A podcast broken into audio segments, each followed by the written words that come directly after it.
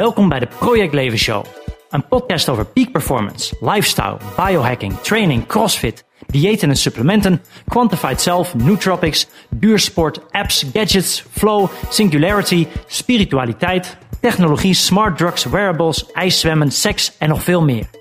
Hier is je host, biohacker en menselijk proefkonijn. Bekend van onder meer BNN-VARA, RTL 5, BNR Nieuwsradio, Mens Health, Trouw, Volkskrant, Tegenlicht, Nieuw Business Radio, De Correspondent en Runners World. Peter Joosten. In deze podcast praat ik met Mandy Ronda. Mandy is seksuologe en een sexual empowerment coach. De show notes kun je vinden op www.projectleven.nl slash seksualiteit-podcast. Mandy is opgeleid in de psychotherapie en in de antropologie. We gaan het in dit gesprek hebben over seksualiteit en intimiteit. Hoe hangt dat samen met persoonlijke groei? Maar we praten ook over libido, eh, niet klaarkomen of wel klaarkomen en porno. Voordat we starten nog een paar huishoudelijke mededelingen. Ga naar projectleven.nl slash podcast voor een overzicht van alle podcastinterviews. Luister je deze aflevering in je favoriete podcast app, vergeet je dan niet te abonneren op de Project Leven Show. Als je niks wil missen van de Project Leven Show, ga dan naar www.projectleven.nl. Daar kan je ook inschrijven voor mijn nieuwsbrief en als je dat doet, dan krijg je een gratis cheat sheet met 9 tips voor meer energie en meer focus. Op projectleven.nl vind je ook de links naar mijn social media kanalen, zoals Facebook en Instagram. Als je inschrijft, blijf je ook op de hoogte van al mijn persoonlijke experimenten, artikelen die ik schrijf, de vlogs en video's die ik opneem, de biohacking meetups die ik organiseer en de lezingen en presentaties die ik geef. Het maken van deze podcast vind ik echt fantastisch om te doen. En jij kan ook je steentje bijdragen aan de Project Leven Show. Ga daarvoor naar patreon.com slash projectleven. En Patreon schrijf je met P-A-T-R-E-O-N. Op Patreon kun je aangeven hoeveel euro per maand je kan missen voor de Project Leven Show. Dat kan zijn 1 euro per maand of 3,15 euro. En 3,15 euro is de prijs van 1 tol cappuccino bij de Starbucks. Je krijgt er ook nog leuke dingen voor. Denk bijvoorbeeld aan uitgeschreven transcripties van podcastinterviews, voor- en nagesprekken met podcastgasten, video's die ik maak alleen voor Patreon, een aankondiging van komende podcastgasten en de mogelijkheid om vragen in te sturen. En af en toe publiceer ik een concepthoofdstuk van mijn nieuwe boek. Check daarom na het luisteren van deze podcastaflevering patreon.com slash projectleven. Anyway, here we go. Welkom in de Project Leven Show. Mijn naam is uh, Peter Joosten en vandaag uh, te gast in de Project Leven Show Mandy Mandy. Hoe schrijft het? Mandy Ronda? Mandy. Ronda. Ronda. Uh, kun je jezelf introduceren? ja, Mandy Ronda. Um, ik ben seksueel empowerment coach voor singles en stellen. En dat wil eigenlijk zeggen dat ik een, een seksuologe ben, maar dan net anders. Net iets juicier, zeg maar. Waar een seksuologe klassiek eigenlijk in een spreekkamer zit en van 9 tot 5 haar cliënten of zijn cliënten ontvangt, zit ik veel meer op het vlak van het bekrachtigen en bevrijden van mensen in hun seksualiteit. Door echt lagen van schaamte, schuld en angst af te pellen. En te zorgen dat ze, ja, dat ze eigenlijk niks meer raar vinden aan, aan hun eigen persoonlijke seksuele voorkeuren. Oké, okay, nou daar gaan we het straks nog meer over hebben.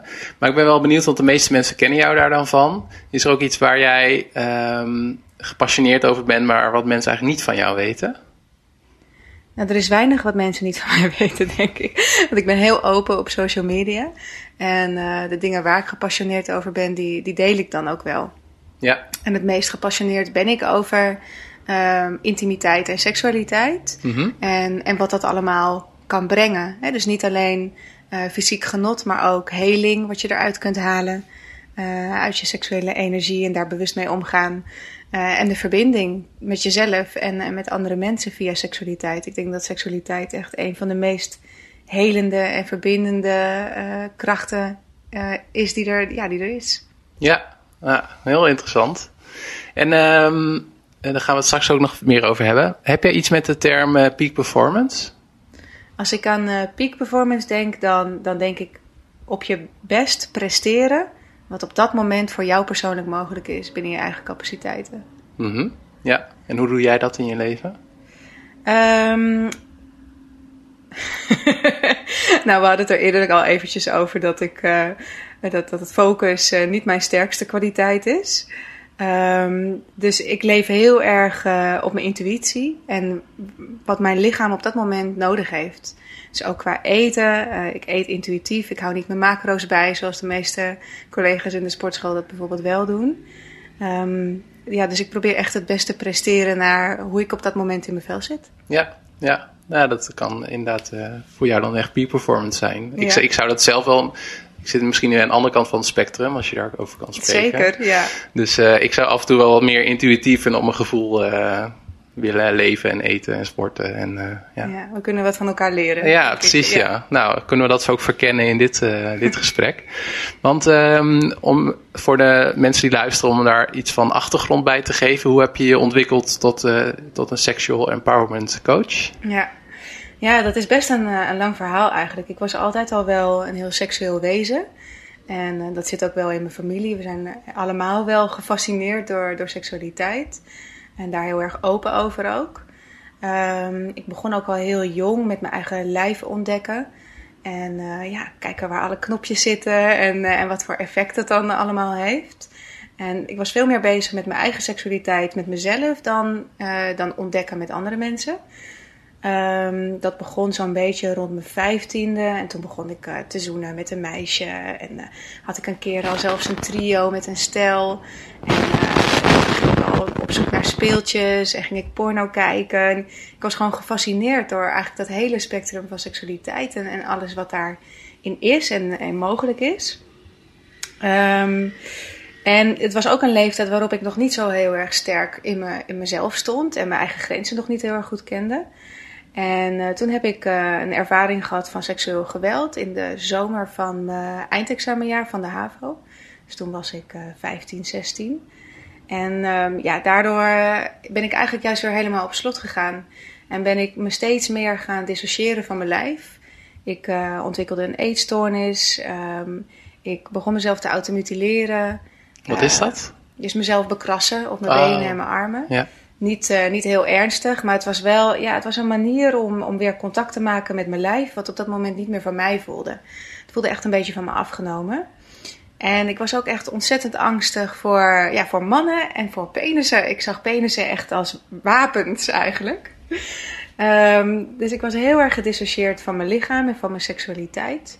En van mijn vrouw zijn. Dat voelde heel onveilig. Um, en Even kijken, wanneer was dat? Ja, zo begin 2005, 2006. Toen uh, begon ik me te verdiepen in de meer spirituele en alternatieve scene en persoonlijke ontwikkeling. Wat was uh, daar de trigger voor? Of kwam dat gewoon vanzelf? Ja, vanzelf wel. Ja. Ik was altijd al wel heel erg uh, geïntrigeerd door esoterie. En daar was ik ook al echt vanaf mijn jonge jaren mee bezig. Ik geloof dat het eerste boek wat ik las de Celestijnse belofte was op mijn twaalfde. En dat ik echt zoiets had van: wauw, er zijn meer mensen op de wereld die zo denken als ik. En die de wereld zo, uh, ja, toch iets anders ervaren. Um, dus toen begon ik ook met allerlei bewegingsvormen, waaronder biodanza. En biodanza is een, uh, een danssysteem wat eigenlijk oefeningen aanbiedt om in een bepaalde staat van regressie te kunnen gaan. En dus uh, dingen vanuit het verleden ook te kunnen helen. Oké, okay, ja. En het was een hele veilige manier voor mij om te experimenteren met aanraking. En vooral omdat ik een van de jongere mensen daar was. En er waren toch vooral 40 en 50-plussers. En, ja, die zag ik dan eerder als een soort van vader- en moederfiguren. En die waren minder bedreigend voor me dan wanneer het leeftijdsgenootjes waren geweest. Dus het was heel veilig voor mij om daar te experimenteren met, ja, met weer in mijn lijf komen, met bewegen, met aanraken en aangeraakt worden. En uh, mijn partner, die was ook een uh, Biodanza leraar. Dus wij gingen ons samen verdiepen in, in tantra, in ons seksleven. En um, ik ging hem ook al heel snel assisteren in de workshops die hij gaf. En ja, dat, dat verliep al heel snel van nature, liep dat door in, in het samengeven van workshops rondom tantra. En man-vrouw polariteiten, aantrekkingskracht, verleiding en, en vrouw zijn. En ja, ik ging eigenlijk steeds meer open en steeds weer uh, contact maken met mijn eigen lijf en mijn seksualiteit en mijn, mijn vrouw zijn. En uh, ik heb een soort van natuurlijk leiderschap over me heen. En ik kan heel snel dingen doorgeven. Dus ik ging daar ook al heel snel uh, zelf workshops in geven. Ja. Dat doe ik nu zeven jaar. Ja, want je geeft workshops, je geeft lezingen Ja, eh, en je doet coaching. ja. Daar gaan we het straks ook wel over hebben. En je bent, voor ik het vergeet, je bent ook bezig met een boek. Wat als het goed is uit is gekomen als deze podcast online komt. Hè? ja, dat is wel de bedoeling. Ja. Ja, ja het boek eh, gaat over hoe je de passie terugkrijgt in je relatie. Ehm, of hoe je de passie weer laat opbloeien als die er eigenlijk nooit geweest is. Hè. Soms is het heel lastig om elkaar te vinden op het gebied van seksualiteit. Je kan heel veel van elkaar houden, maar eh, hele andere seksuele voorkeuren hebben en, en toch een relatie willen. En hoe kun je elkaar dan vinden als je eigenlijk een andere seksuele blauwdruk hebt, zoals ik het noem? ja. En is ehm, seksuele aantrekkingskracht per se nodig in een relatie? Eh, ik denk dat het persoonlijk, het antwoord daarop persoonlijk is. Voor mij is dat in ieder geval wel nodig. En ik, ik denk ook dat het voor de meeste mensen, ja, dat het wel vitaal is. Als je weinig seksuele aantrekkingskracht of chemie hebt, dan, dan zul je sneller eh, ja, een meer platonische relatie hebben. Ja. Ik denk de fysieke intimiteit en de seksualiteit is wat een, een meer romantische liefdesrelatie onderscheidt van een vriendschap. Oh, Oké, ja. ja. En een van de uitspraken, ik weet niet of die ook in jouw boek eh, terugkomt, is van eh, ehm, ge- genot is geen optie, maar een geboorterecht. Kun je daar wat meer over vertellen? Ehm, voor veel mensen is seksualiteit iets wat erbij hoort. En ik zeg niet dat seksualiteit voor iedereen belangrijk moet zijn. Er zijn ook aseksuele mensen die helemaal niks hebben met seksualiteit. En, en gewoon ook nergens opgewonden van raken. En, en ja, gewoon niet die, die seksdrive voelen. Ehm, maar voor de mensen die, ja, die wel van seksualiteit houden, zijn er ook een heleboel mensen die het toch een beetje zien als iets wat erbij hoort. Net als tandenpoetsen. Het hoort gewoon bij je relatie en niet per se iets eh, waar meer aandacht aan wordt gegeven. En ja, ik denk dat dat zonde is, want je kunt er ontzettend veel genot uithalen. En ja, wat ik net al zei, je begint vaak al heel jong met, eh, met het ontdekken van je lijf en experimenteren met je eigen seksualiteit. En dat is dan allemaal nog heel onschuldig als kind. Ook als, als jonge kinderen met elkaar experimenteren, dan ervaren zij seksualiteit heel anders zoals wij dat doen. En hè, we tikken ze al heel snel op de vingers, dat mag niet. En daar begint de schaamte dan ook al vaak van oei, oh, ik doe iets fout of hè, dit is iets voor privé. Ehm, maar, maar seksualiteit en genot, ja, we zijn ermee geboren. We, hebben het al heel jong in ons zitten. En, eh, en we hebben er allemaal het recht op om, eh, om dat volop te ontdekken. Ja, maar ligt er dan wat jou betreft te veel een taboe op in, in Nederland of in het Westen of überhaupt? Ja, we zijn in Nederland natuurlijk best wel liberaal, maar ook hier zijn nog heel veel taboes en stigma's. Ehm, ik denk een van, eh, van het grootste uh, misverstand is, of stigma, dat, dat seksualiteit of dat naaktheid inherent staat aan seksualiteit. Dus als we iemand naakt zien of een vrouw loopt over straat zonder BH en haar tepels zijn zichtbaar, dan associëren we dat al heel snel met seksualiteit. Of het geven van borstvoeding. Van oh, dat is erotisch en dat hoort niet in het openbaar. Terwijl ja, het is het menselijk lichaam en het is ook nog eens een hele biologische functie uh, ten dienste van onze voortplanting. Niet geheel onbelangrijk. Uh, dus um, ja, dat is zonde. Dat, er, dat dat zo naast elkaar ligt, naaktheid en seksualiteit. Ja, ja. En welke vraag krijg je het meest over wat je doet? Um, van vrouwen krijg ik um, twee vragen het meest. De ene is: ik ben geblokkeerd in mijn seksualiteit. Ik voel het niet meer stromen. Terwijl vroeger was ik veel vrijer en veel wilder eigenlijk. En ik wil me weer sexy voelen, ik wil me weer vrouw voelen. En kun je me helpen om, uh, ja, om dat weer te laten stromen? En de andere vraag van vrouwen is: ik heb um, meer behoefte aan seks dan mijn partner.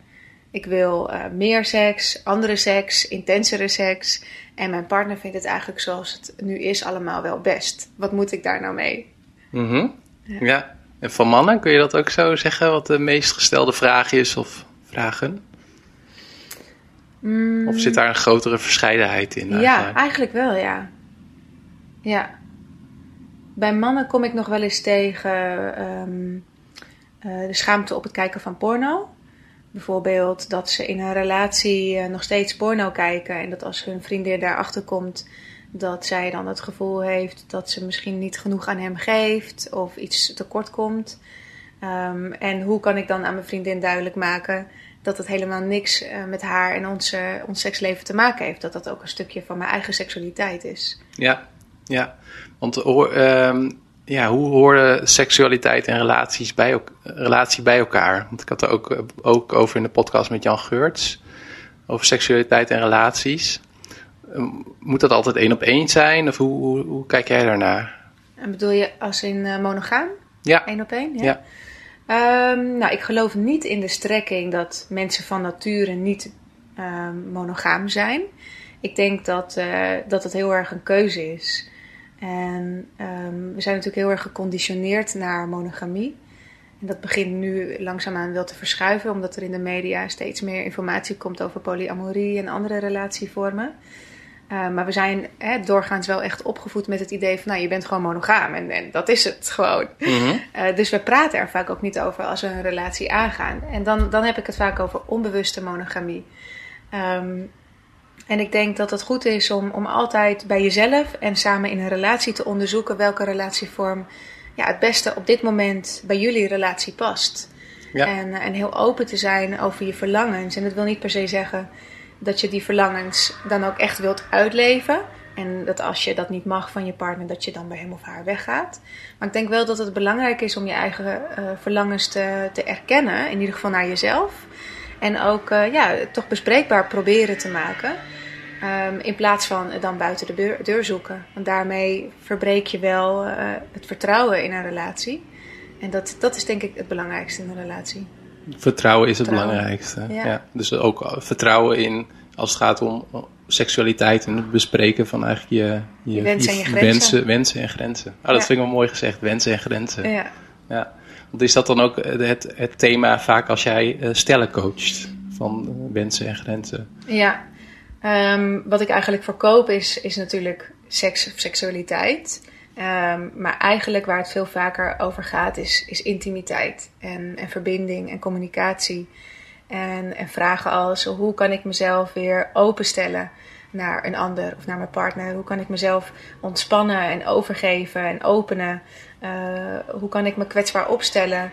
Hoe kan ik mijn wensen en mijn grenzen communiceren op een respectvolle manier, waarbij ik wel echt hè, bij mezelf blijf en niet het bij de ander neerleg als in jij geeft me niet wat ik nodig heb. Uh, maar meer op een onderzoekende manier. Dus ja, communicatie uh, staat eigenlijk wel op nummer één ja. in de praktijk. Ja. Ja, nu je het zo uitlegt, kan ik ook beter plaatsen wat je in het begin zei van, uh, tenminste, hoe uh, seksualiteit ook samenhangt met, met heling en, en ook met persoonlijke ontwikkeling eigenlijk. Ja, ontzettend. Ja. Ja. Ja, we hadden het al eventjes over, maar ik, ik zeg vaak, je, eh, seks, je made of it. Je bent ervan gemaakt, letterlijk en figuurlijk. Tegenwoordig zijn er natuurlijk ook allerlei andere methodes, maar in principe zijn de meeste van ons gemaakt door, door een orgasme. Door die, die zinkexplosie wanneer de zaadcel bij, uh, bij de eicel komt. Dus je kunt je voorstellen hoeveel levenskracht er eigenlijk in zit. En zeker als een man ejaculeert, ja, in één lozing kan hij potentieel, als er genoeg vruchtbare eicellen zouden zijn, de wereld uh, drie keer bevolken. Dus er zit enorm veel levenskracht in, uh, in, in, ja, in onze seksuele sappen eigenlijk en in onze seksuele energie. En als je kijkt naar tantra, dan, dan is dat ook een, een geloofssysteem dat ervan uitgaat dat je door middel van het bewust gebruiken van je seksuele energie wat in de basis zit van je zijn, dat je staten, momenten van verlichting kunt bereiken. Ja. Uh, en dat je dus ook je seksuele energie echt kunt gebruiken voor heling, zowel fysiek als mentaal. Ja, ja. En, en wat, want wat, wat is tantra precies? Want ik, ik uh, associeer dat met, uh, met zo'n meneer, hoe heet die, Advisser, die daar een tijdje... Oh, echt? Ja? Ja, en ik moet zeggen, een ja. van mijn podcastgasten, Ewout Staartjes, die is ook yoga-instructeur en die doet Russisch winterzwemmen, die vertelt daar ook over, over tantra. Maar dat was heel kort, maar wat, wat is het precies? Ja, dat is een hele goede vraag en daar weet eigenlijk niemand echt het antwoord op. Er bestaan ontzettend veel misstanden over tantra. Ik, ik, denk dat er zoveel definities zijn over tantra als dat er mensen zijn. Uh, en als ik spreek met, uh, met mensen die echt uit India komen, dan hebben zij een heel ander begrip van tantra. Dan gaat dat juist veel meer over de maakbaarheid van het leven. Terwijl uh, hoe wij het in het Westen interpreteren, gaat het veel meer over een, soort alle, allesomvattende levensvisie. Waarin alles is wat het is en alles is oké zoals het is. Dus eigenlijk ja zeggen tegen het leven wil niet zeggen dat je geen grenzen hebt, maar wel dat je accepteert dat het leven is zoals het zich aandient. Ehm, en of je dat nou ja, positief of negatief ervaart, dat maakt dan niet uit. En in de basis um, ja, betekent tantra verweven, verbinding. Uh, dus gaat het over het verweven van, van alle lagen in jezelf. En van daaruit uh, jezelf ook kunnen verbinden met een ander. Um, maar in het Westen vinden wij het aspect seksualiteit vanuit Tantra het meest interessant. Dus als we het in het Westen over Tantra hebben, gaat het eigenlijk vooral over seksuele Tantra. En niet zozeer over de hele uh, levensfilosofie en levenswijze die Tantra eigenlijk is. Want het is een spiritueel pad. Ja, ja. Oké. En um, um, daar hadden we het ook in het voorgesprek al even over. Is een van de aspecten van Tantra en het behoud van seksuele energie, seksuele energie dat je als uh, denk ik man, maar misschien is het ook wel man of vrouw, ook af en toe aan onthouding doet van uh, orgasme en of ejaculatie? Ja, nou ja, zoals we dat in het Westen dus interpreteren wel, kennelijk. Ja. um, de theorie daarachter is dus inderdaad het behouden van je levensenergie en die vervolgens bewust um, circuleren door je lijf, kanaliseren en, en sublimeren voor ja, meer inspiratie, meer focus, uh, meer vitaliteit. En, en, en de theorie daarachter is, is dat als je inderdaad voornamelijk als man niet ejaculeert, maar ook als vrouw overigens, um, ja, dat je dan meer van je levensenergie behoudt en die dus op een nuttigere manier kunt besteden. Ja, ja. En er zijn uh, tantra-groepen in, in, in Nederland, in het Westen, die, uh, ja, die daar echt heel dogmatisch eigenlijk in zijn. Van gewoon helemaal niet klaarkomen, gewoon nooit niet. Oh, echt nooit niet? Ja, ja, maar dan hebben we het wel over het genitale piekorgasme.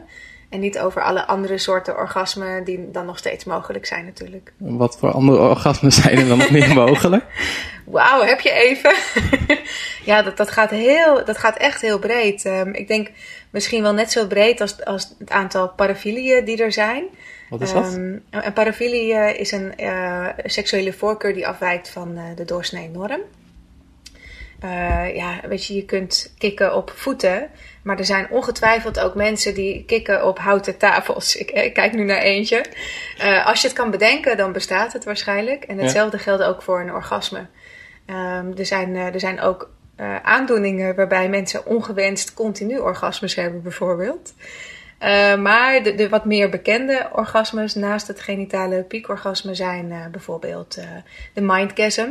Um, dus echt mentaal kunnen klaarkomen zonder fysieke aanraking. Dus jezelf eigenlijk kunnen denken tot een orgasme. Uh, foodgasm. Um, dus echt ja, een soort van prikkeling ervaren door voedsel. Een tepelorgasme, baarmoedermondorgasme, prostaatorgasme, urinebuisorgasme, G-spotorgasme, anaalorgasme. ja, is ontzettend veel mogelijk. Het full body orgasm, valleiorgasme. Um, je kunt multi-orgastisch zijn, dus meerdere soorten orgasmes uh, achter elkaar uh, ervaren. Uh, ja, er is, heel, er is heel veel mogelijk. Er is, gaat, genoeg te ontdekken. Het gaat echt een wereld voor me open. Ja, ja want ik heb dus, ik hadden we het ook in het voorgesprek over. Ik heb een keer een maand lang geen zo'n piekorgasme gehad, zoals ja. je dat zei. Ja.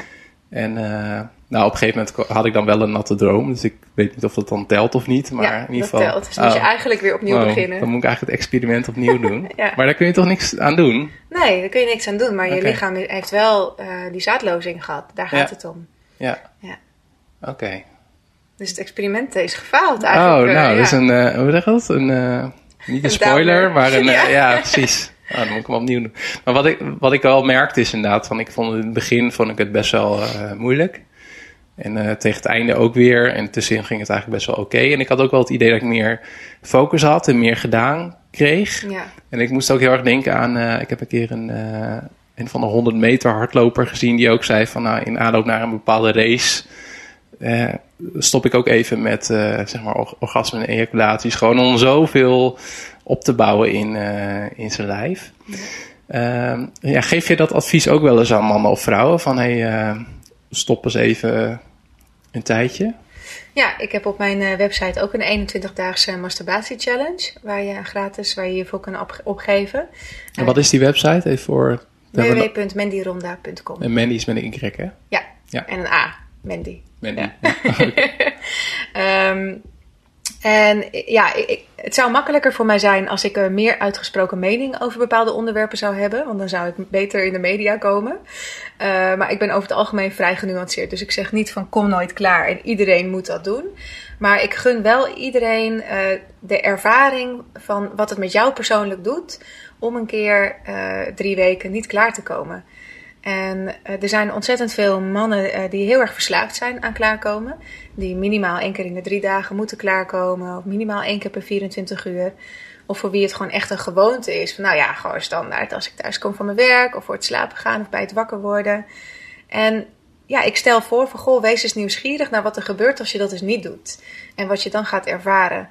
En de theorie is namelijk dat op het moment dat je klaarkomt, dat je ontzettend veel dopamine uh, dat er heel veel dopamine vrijkomt. Net zoals bijvoorbeeld bij ecstasy-gebruik, waar alle serotonine op dat moment vrijkomt, waardoor je je zo euforisch voelt. Nou, dat is ook eigenlijk bij een, uh, bij een orgasme. Um, maar net als hè, in het Frans noemen we het inderdaad le petit mort, de kleine dood. Dus je hebt eigenlijk ook een soort dip erna. Je, je hebt een, moment van extase, van bliss, van hè, een andere staat van bewustzijn voor, voor een heel kort moment. Um, maar vervolgens heb je ook de kater. En zeker op dag drie uh, dag 2, 3, 4 kun je, ja, kun je die dopamine dip verwachten eigenlijk. Waardoor je lijf weer opnieuw die dopamine wil aanmaken. En dat, dat doen we vaak dan door opnieuw klaar te komen. En kijk eens wat er gebeurt als je dan niet opnieuw klaarkomt. En of je dan inderdaad op een natuurlijke manier weer meer dopamine gaat aanmaken. Uh, en vooral ook of je het daardoor langer kunt volhouden in bed. Uh, langer een stijve penis kunt houden. En, uh, en het helpt ook tegen impotentie en erectiestoornissen. Ja. Om minder vaak klaar te komen. Ja, ja. Ja, mijn eigen ervaring was ook dat, uh, of mijn vriendin zei ook na afloop van mijn experiment, van eigenlijk zou elke man dat een keer moeten doen, ook al is het maar voor een week. Ja. ja. Omdat je ook op een andere, omdat ik op een andere manier, en het is nu alweer een beetje verwaterd hoor, ook op een andere manier naar seks kijk. Tenminste, voor mij als man is het ook wel van, dat is het belangrijkste moment, het moment van klaarkomen. Ja. Terwijl eigenlijk, en dan, ja, het moment, de momenten ervoor, zeg maar, kon ik op die manier wel ja, beter waarderen of zo. Ja, dat is inderdaad de ervaring van de meeste mensen. Als je het doelgerichte, het prestatiegerichte. Zit ook wel een beetje in mannen, afhaalt. denk ik, of niet? Ja, tuurlijk. Ja. Mannen zijn ook over het algemeen uh, prestatiegerichter en ja. ook dus in seksualiteit meer gericht op de finishlijn. En, en daar is uh, niks mis mee op zich. Maar er is zoveel meer mogelijk. En de ervaring is inderdaad van uh, met name mannen die, die deze challenge volgen. Of, of hè, zoals jij gewoon een, een, experiment doen van nou, drie weken of een maand lang niet klaarkomen. Is dat ze uh, aanraking ook anders gaan ervaren. Dat ze sensitiever worden in hun lijf. Ja, en, en dat ze inderdaad een veel, veel bredere kijk op seksualiteit ontwikkelen. waarbij het opeens niet meer alleen maar gaat over klaarkomen. En dat als er geen orgasme is, dat het dan niet compleet is of niet af is. En ik denk dat, uh, ja, dat er een wereld voor je open gaat als je merkt dat je minder drang hebt naar moeten klaarkomen en minder frustratie wanneer dat niet gebeurt. Ja, maar en wat ik wel uh, goed aan jou vind, uh, is dat je ook niet alleen zeg maar het spirituele en persoonlijke ontwikkeling meeneemt, maar dat je ook van tevoren zei van ja, voor je prostaat is het wel goed om gewoon één keer per week. Dus vanuit gezondheidsperspectief is het wel gezond om één keer per week klaar te komen als, ja. uh, als man. Ja, je verhoogt uh, wel weer de kansen op prostaatkanker. Uh, als, je, als je gewoon helemaal nooit klaarkomt. Ja. Dus als dat echt in, in de familielijn zit, bijvoorbeeld. Dan, ja, dan, dan, dan zou ik het experiment gewoon voor af en toe misschien een keer Ja. doen. Hè, om te kunnen ervaren. Maar er niet orthodox in worden om de rest van je leven niet meer te gaan klaarkomen. Ja. Nee. Als je, als je gezond sperma wil, uh, als je van plan bent om, uh, om kinderen te maken, dan kun je het beste wel minimaal één keer in de week een zaadlozing hebben. Ja, ja. En wat is, uh, wat is de gekste vraag die je ooit hebt gekregen? Of is dat, kun je dat zo zeggen? Nou, dat is heel lastig, want ik denk dat als ik alle vragen die ik ooit heb gekregen aan, een gemiddeld persoon zou voorschotelen, dan zouden er heel wat gekke vragen tussen zitten. ja. Maar er komt dus echt niks in mij op, want ik vind gewoon helemaal niks gek. Eigenlijk. Nee, precies. Nee. Dus uh, ik vind het heel lastig te bedenken, ja, wat is nou een gekke vraag? Ja, dat zou betekenen dat ik ergens een oordeel over heb. En ja. dat, dat heb ik eigenlijk niet als het gaat over seksualiteit. En iedereen beleeft het op zijn of haar eigen manier. En, uh, en dat wil niet zeggen dat dat dan ook mijn voorkeur is, want dat, dat, zo zien mensen dat dan al wel snel. Hè, bijvoorbeeld die hele, um, uh, die hele veten rondom Patricia Pai en, en de Plassex video. Ja, eh, het is niet mijn voorkeur. Maar als zij dat eh, leuk vindt om, om dat een keer te doen, of als zij dat opwindend vindt, ja, who am I to judge? Ehm, en dat vinden mensen soms wel lastig te rijmen. Van, oh, maar dat is smerig, dus dat is raar. Ja. Ja, nou ja, je mag het smerig vinden, maar je hoeft het toch niet te veroordelen dat iemand dat leuk vindt. Nee. En je had het net ook over fetishje, dus eh, voor voeten of houten tafels. Ja, ik maar Ik zit ineens te denken, hoe ontstaat dat? Zit dat is dat zeg maar, ontstaat dat in je jeugd of heb je geen idee? Ik vraag me wel eens af van. Ja, ik denk dat de meeste fetishes al wel, eh, wel jong ontstaan en vaak ook wel op een onschuldige manier, denk ik. Ja. ja en de, heel veel fetishes zijn ook heel onschuldig. Ja. Um, ja, dus ik, ik veroordeel niks behalve wat echt bij de wet verboden is: uh, bestialiteit en, en seks met minderjarigen. Ja. Maar verder ja, moet iedereen vooral doen waar ze zoveel gelukkig van worden als het gaat over twee of meerdere volwassenen die uh, iets doen waar ze allebei hun consent in hebben gegeven, dan why not? Ja, ja. ja. En je doet, uh, staat ook op je site een heleboel dingen. Dus het gaat om flirten, verleiding, hormonen, libido, seksualiteit. Wat vind je het meest interessant? Kun je dat zo zeggen? Um, van het ja, hele palet aan dingen die jij doet. Ja. Ja, ik vind fetishes wel heel fascinerend. Uh, maar in de praktijk werk ik eigenlijk niet zoveel met mensen met fetishes. Overigens is iedereen bij me welkom van alle genders en seksuele voorkeuren. Alleen ik ontvang geen uh, mensen met extreme fetishes eigenlijk. Wat ik zelf het meest interessant vind, of, ja, waar, ik, waar ik het meest gelukkig van word, is als ik een stel begeleid uh, door middel van mijn seksuoloog aan huisdienst, waarbij ik echt een dagdeel met ze meeloop en feedback kan geven op uh, de communicatie onderling en ook hoe ze het huis en de slaapkamer hebben ingericht en hoe ze met elkaar omgaan, hoe, hoe ze met elkaar flirten. Uh, of als ik een privéworkshop aan ze geef in mijn praktijk. En ik zie echt de verbinding tussen hun groeien. Als ik echt ja, gewoon de liefde en het contact onderling. Als ik ze weer naar elkaar echt zie opengaan. En uh, ook later berichten krijg van wauw, we hebben weer seks. En het is fantastisch met nog veel meer passie en overgave en verbinding. Daar word ik wel echt heel gelukkig van. Ja, ja. Want hoe, uh, die workshops, wat voor workshops geef jij? Uh, ja, heel variërend. Ik, ik geef ook uh, bachelorette workshops, dus voor privéfeestjes. Uh, voor vriendinnenavonden. En dan heb ik het bijvoorbeeld over een masterclass manuele en orale kunsten voor gevorderden. Ofwel pijpen en aftrekken, maar dan uh, wat chiquer gezegd. Ja. Um, ik geef uh, privé-workshops in tantrische massage aan stellen en aan groepen in tweetallen. Um, ja, seminars over hormonen en, en libido en verleiding en hoe je de passie kunt behouden in je relatie. Dus het is eigenlijk heel breed. Ja, workshops in BDSM ook voor beginners. Ja, en uh, uh, ik wil in het najaar ook een experiment doen om te meten uh, en te kijken hoe ik mijn libido kan verhogen. We hebben het al even gehad dat krachttraining daar maar niet te veel mogelijk een instrument in kan zijn. Ja. Wat voor andere tips heb je voor, nou laten we zeggen, mannen die nu luisteren en die een hoger libido willen? Libido verhogende tips.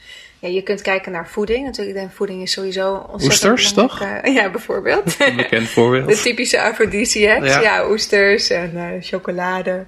Ja, dat, dat, zijn, dat zijn denk ik leuke hulpmiddeltjes. Maar het belangrijkste is, is dat je gewoon gezond eet. Hè? Dat je zorgt voor een vitaal lichaam.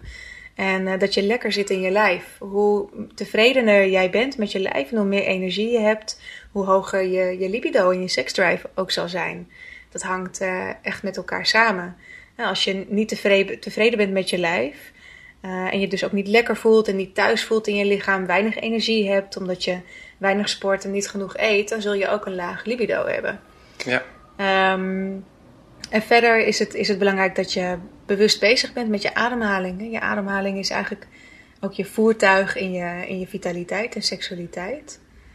Uh, ook als je kijkt naar Tantra, de drie pilaren van Tantra zijn eigenlijk ademhaling, geluid en beweging. Dus zolang jij uh, ja, goed in je lijf blijft, lekker in beweging, um, een goede stabiele ademhaling hebt uh, en ook met, met een bewuste ademhaling en aandacht naar je, naar je basis, naar je seksualiteit kunt gaan als je seks hebt, ik denk dat je dan al heel ver komt. En bedoel je daarmee praktisch dat als je seks hebt, dat je dan goed naar beneden, naar je buikadem haalt? Ja, ja, goed doorademen. De neiging is natuurlijk om met je ademhaling al heel snel heel hoog te gaan zitten en kort te ademen. Maar juist als je bewuster dieper naar je buik toe ademt, dan, dan zijn ook die andere vormen van orgasmes worden dan mogelijk. Diepere en langere orgasmes. Ja. Oké. We hebben, een orgasme is eigenlijk eh, verkramping vaak. Hè? De, en dat is ook waarom je wil oefenen met eh, het on- onthouden van genitale piekorgasmes. Want wat er eigenlijk gebeurt bij een orgasme is, is, is een hele hoop verkramping in je bekkengebied. En heel veel mensen spannen dat hele gebied ook bewust nog eens extra aan. Dus je, kunt dat, ja, je, je bent dat hele gebied dan aan het samentrekken. Ja. Eh, en heel kort aan het ademen, heel snel aan het ademen. Terwijl ja, je wil eigenlijk juist nog meer open. En, en nog veel langer en veel dieper dat orgasme ervaren. Ja. Dus, eh, ja, dus neem je ademhaling er echt bewust in mee. Ja. En voor eh, mannen en denk voor mannen om het langer vol te houden, klopt het ook dat je, dat je eigenlijk je, want ik triggerde net op je bekken, dat je je bekkenbodemspier traint, klopt dat? Of, Ja, ja eigenlijk wordt dat eh, advies vooral aan vrouwen gegeven Ah, om je bekkenbodemspieren te trainen. En bewust te leren aanspannen, maar ook vooral bewust te leren ontspannen. Maar voor mannen geldt dat net zo goed. Die kunnen ook bewust hun bekkenbodemspieren eh, leren aan- en ontspannen om daarmee intense orgasmes te krijgen. ja. Ja. En dat, dat gebied, ja, dat is, dat is zo breed. Je hebt niet alleen maar je, je anus die je samentrekt, maar je kunt ook eh, echt alle spieren afzonderlijk en geïsoleerd van elkaar leren aanspannen en ontspannen. Ja, ja. En eh, voor mannen die het langer willen volhouden, bijvoorbeeld een goede vriend van mij, ik ben er zelf ook wel geïnter- geïnteresseerd. Ja. Heb je nog andere eh, handvatten of tips? Behalve ademhaling en bekkenbodemspier? Of, ehm, Ja. Ehm,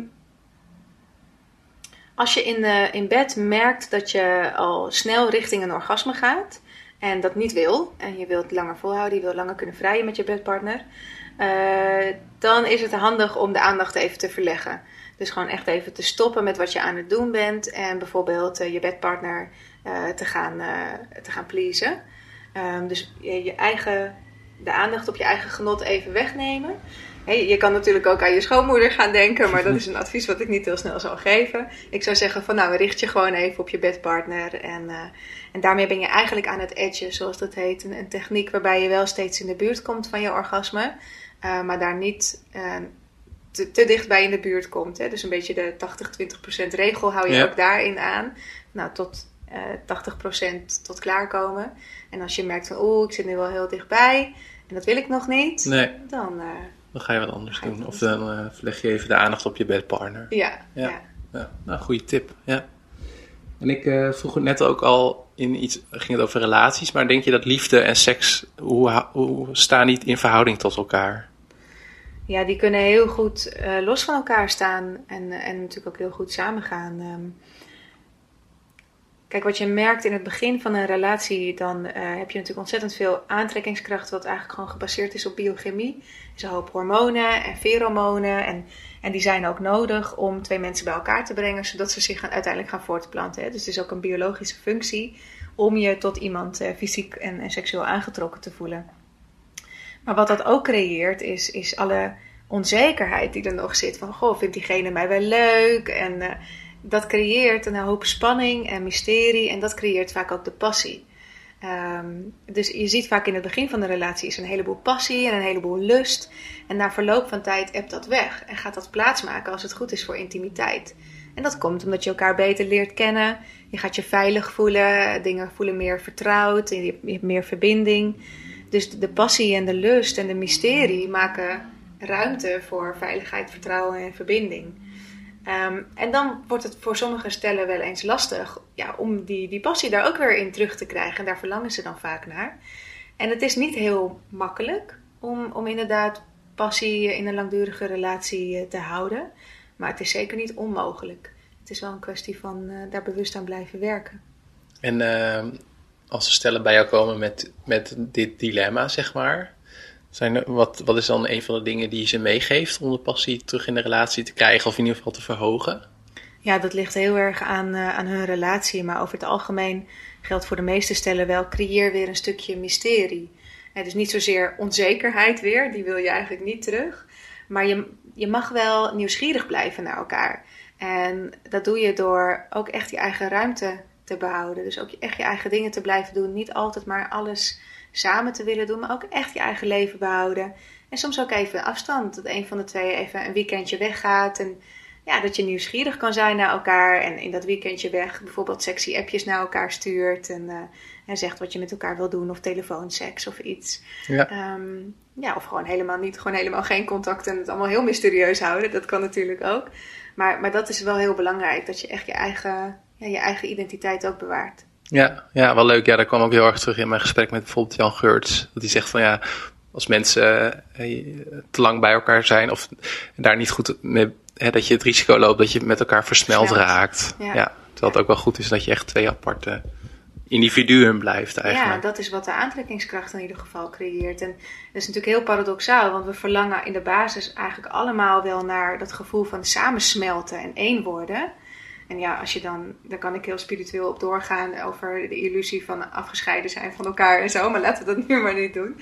Maar dat, dat verlangen is er wel van, oh, ik wil het gevoel van echt één zijn met iemand. Iemand die me helemaal aanvoelt en uh, me helemaal omarmt zoals ik ben. Maar de aantrekkingskracht in een relatie tussen twee mensen bestaat juist uit een stukje mysterie en nieuwsgierig blijven naar elkaar. Ja, ja. En uh, nou, je schijnt dus porno te hebben op internet. hoe, uh, hoe kijk je daar tegenaan? Um, dat is een hele brede vraag, ik weet het. Ja, dat is een hele brede vraag inderdaad. Want ik werk ook met, uh, met tieners. Dus dan, dan kijk, ik, kijk ik weer anders naar porno. Ja, want je zegt daar, in het voorgesprek zei je eigenlijk ook van... nou, ik verwacht ook dat er nu waarschijnlijk veel meer wordt afgetrokken uh, dan vroeger. Juist omdat het uh, porno zo makkelijk toegankelijk is eigenlijk. Ja, het is... Ja, je hebt al van heel jongs af aan krijgen kinderen nu een smartphone. En wifi is echt overal inmiddels onbeperkt aanwezig. Nou, zo'n beetje 80% van wat op internet staat is seksueel getint. Misschien niet direct porno, maar wel naaktbeelden. Ik bedoel, als ik ga googlen op poes, dan uh, kom ik waarschijnlijk meer uh, poesies tegen dan katten, zeg maar. Ja. Uh, dus ja, je kunt er niet meer omheen dat, dat porno inmiddels gewoon een vorm van seksuele voorlichting is. En dan moet je gaan kijken naar, is dat de vorm van seksuele voorlichting die ik mijn kind zou willen geven?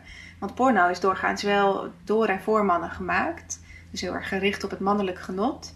Um, en mannen leren dus ja, hoe zij met vrouwen om moeten gaan door porno. Dus jongens leren dat, laat ik het zo zeggen.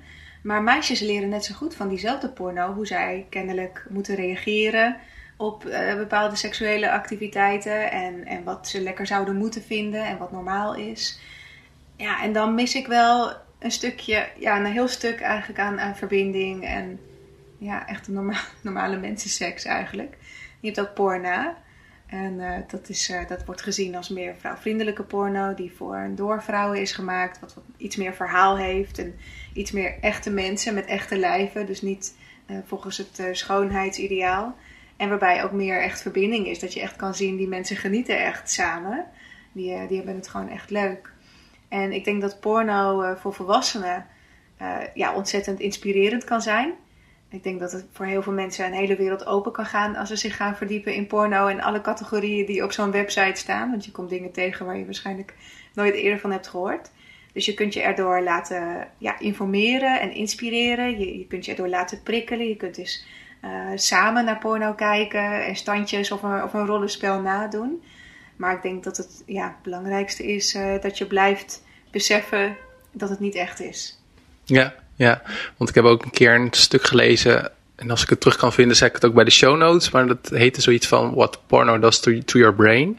Ja. En dat er ook over gaat dat je, um, ja, dat je, dat je ook in een soort van cyclus kan komen. Dat je steeds extremere dingen wil zien. Ja. En dat je dan ook, ja, op het moment dat het echt normaal is, dat je daar dan moeilijk aan, uh, ja, aan kan overgeven, zeg maar. Ja, klopt. En ja. daarom is ook als onderdeel van mijn uh, 21-daagse masturbatie challenge dat je ook geen porno kijkt. Want vaak hangt, uh, ja, hangt masturbatie of een orgasmeverslaving wel samen met een pornoverslaving. En het is inderdaad zo, als je je brein al heel jong traint op bepaalde seksuele beelden, dan, dan gaat je brein een tolerantieniveau opbouwen. Net zoals bij andere drugs. En uh, steeds intensere en extremere of meer beelden nodig hebben om datzelfde gevoel van, uh, ja, van genot te kunnen bereiken. Ja. ja. En uh, Coach jij ook cliënten die aan seks verslaafd zijn? Um, je noemde net masturbatie verslaafd en porno verslaafd. Ja. Nee, ik heb eigenlijk geen cliënten die seksverslaafd zijn. Nee, en ik, ik weet ook niet of ze bij mij een hulp gebaat zouden zijn eigenlijk. Want ik zit nee. meer op ehm, ja, je be- de bekrachtiging in je seksualiteit. Dus juist ook weer je seksualiteit tot leven brengen. En als die bij iemand al zo levendig is dat het een verslaving is, dan zou ik de andere kant op moeten werken en meer moeten gaan therapeuten eigenlijk. Ja. En hoewel ik wel een therapeutische achtergrond heb, vind ik het leuker om, eh, om te coachen. En eh, ik was nog wel benieuwd naar de workshops, waarin je ook, eh, nou, hoe, hoe noemde je het nou met een mooi woord, en BDSM doet en dat soort dingen. Hoe reageren mensen daar in algemene zin op? Ja, ehm, ik vind persoonlijk het hele spectrum van seksualiteit interessant. Eh, van sensuele slow seks en solo seks tot aan transcendentale tantra en, eh, en extreme kink en BDSM. Ik vind het allemaal heel fascinerend. Eh, dus ik, ik heb daar ook een heel breed aanbod in. Ehm, maar ja, er zijn natuurlijk mensen die zich inschrijven op mijn nieuwsbrief die meer geïnteresseerd zijn in de sensualiteit en het vrouw zijn en het verwerken van eh, eh, seksueel geweld en ook mannen overigens. En als ik dan met een nieuwsbrief kom waarin ik mijn eh, workshop voor soft BDSM voor beginners promoot, dan kan dat nog wel eens iets triggeren inderdaad. Dus ehm, ja, dat is, soms is dat lastig inderdaad ook te vermarkten, want mensen die vinden het makkelijker als ze je in een hokje kunnen stoppen van nou, dat is de expert op dat ene kleine gebiedje. Maar seksualiteit is heel breed en seksualiteit gaat iedereen aan. Dus ik vind het ook heel, heel leuk om, om daar een heel breed aanbod eh, in te hebben. Ja, en ik was ook nog wel even benieuwd, want ehm, ik ga zelf bijvoorbeeld één keer per maand naar een mannencirkel. En ik heb me ook een tijdje wat meer verdiept in mannelijkheid en wat is dat nou. En eh, ehm, ehm, ja, hoe kijk jij aan tegen mannelijke en vrouwelijke energie? Ja, grappig dat je dat vraagt. Tot een paar dagen geleden had ik nog een, eh, een filmpje gekeken van Leila Martin. En zij is wel een van mijn eh, rolmodellen. Ik kan me wel identificeren met haar en het werk wat zij doet. Eh, zij zit in, zij woont op Bali geloof ik. En zij had een filmpje gemaakt over, oh ik word zo boos over dat gepraat over mannelijke en vrouwelijke energie. Maar ja, het maakt, het maakt de boel soms wel makkelijker om, om er een taal aan te geven. En ja, we hebben het over man zijn als iemand een penis heeft, en vrouw zijn als iemand eh, een, een, vagina heeft. Maar de vraag is natuurlijk, ja, hoe identificeer je jezelf eh, wat, hoe, je, je eigen, met je eigen gender? En, en daarnaast hebben we denk ik ook allemaal mannelijke en vrouwelijke energie in ons. Ehm, waarbij denk ik de mannelijke essentie meer uh, de pluspool is in wezen. De meer doelgericht, prestatiegericht, uh, penetrerend, actief, focus. En de, de, vrouwelijke essentie gaat wat meer over overgave. Het is de minpool. En ook als je kijkt naar fysiek. Hè, de man heeft een, een penis. En als die staat, dan is die actief en penetrerend. En, en de vrouw die heeft een opening. En, en haar essentie is dan ook openen en ontspannen en overgave en, ontvankelijkheid. Um, maar dat wil niet zeggen dat als je al die kwaliteiten, als je niet hebt als vrouw, dat je dan minder vrouw bent. Of als je niet doelgericht en gefocust bent als man, dat je minder man bent. Nee, ja. precies. Dus het is wel een, een handig, uh, zeg je? Ja, handige indeling, maar het gaat lang niet overal altijd op. Ja, het, het is leuk om te kijken naar, oh, in, in hoeverre belichaam ik als man, hè, bijvoorbeeld in jouw geval dan mijn mannelijke energie, in, in hoeverre belichaam ik mijn vrouwelijke energie. En uh, polariteiten trekken elkaar ook aan. Hè? Opposites attract. En dat is dus ook, net als bij een batterij, heb je een pluspool en een minpool. En, en in een relatie heb je uh, die polariteit vaak nodig voor de aantrekkingskracht. Uh, dus dan is het interessant om te kijken naar ja, hoeveel mannelijke of vrouwelijke energie belichaam ik zelf en wat voor mensen trek ik aan. En dat is ook bijvoorbeeld waarom je ziet dat bij een, een, lesbisch of homoseksueel stel dat er een wat meer het mannetje is tussen haakjes en de ander het vrouwtje omdat, omdat je toch een beetje die uh, polariteiten nodig hebt voor de aantrekkingskracht. Ja, dus polariteit heb je nodig en, en mysterie eigenlijk. Ja, ja, dat is wat ik tot nu toe... Goede samenvatting. Ja. En er zijn een aantal vragen die ik elke gast stel. Wat is de grootste misvatting die er over jou heerst? Denk dat je denkt?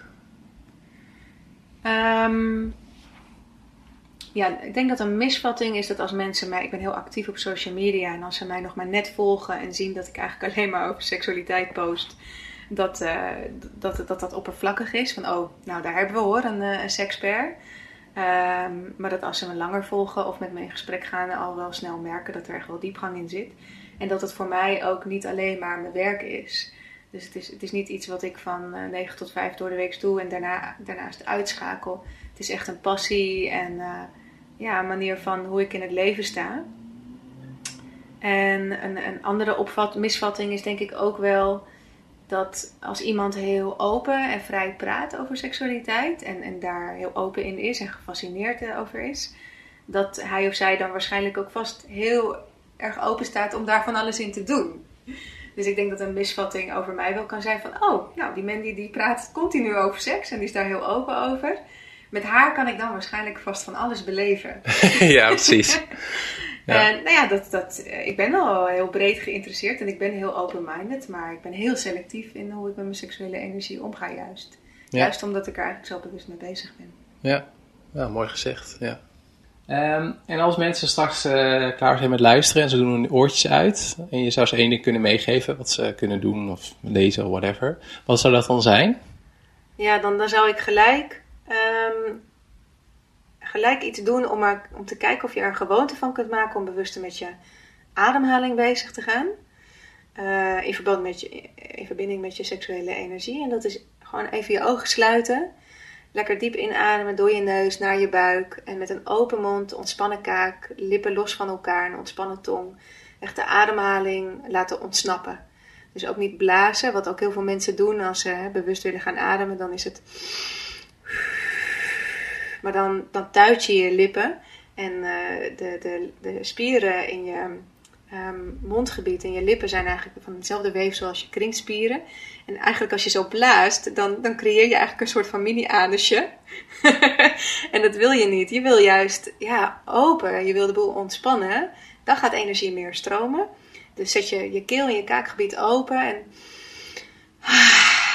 en laat het gewoon ontsnappen. En als je dat met je ogen dicht doet, en ook je ademhaling en je aandacht naar je bekkenbodem uh, brengt, dan, uh, dan is dat al een mooi begin. Ja, nou hartstikke goed.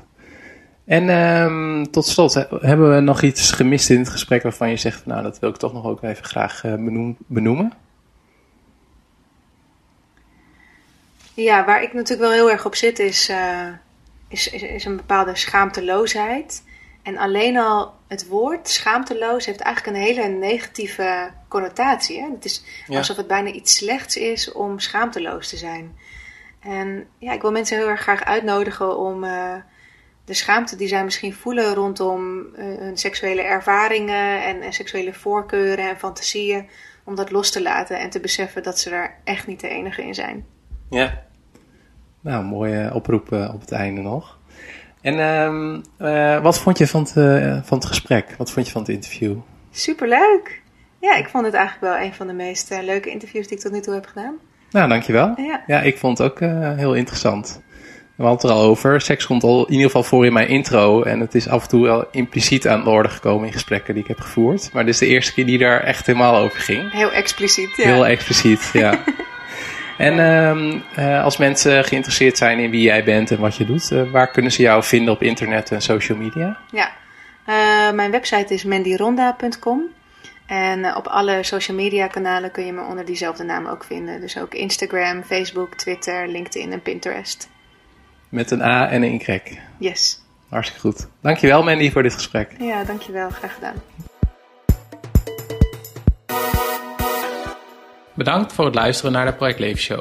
Wat ik leuk vind is als je een beoordeling of review op iTunes achterlaat. Je kan mij ook een e-mail sturen op peter.projectleven.nl Ga naar patreon.com slash projectleven om de podcast te steunen en om toegang te krijgen tot alle uitgeschreven transcripts van de interviews, audio-opnames van voor- en nagesprekken met de gasten, mogelijkheid om vragen te stellen aan komende gasten en exclusieve concepthoofdstukken van mijn nieuwe boek.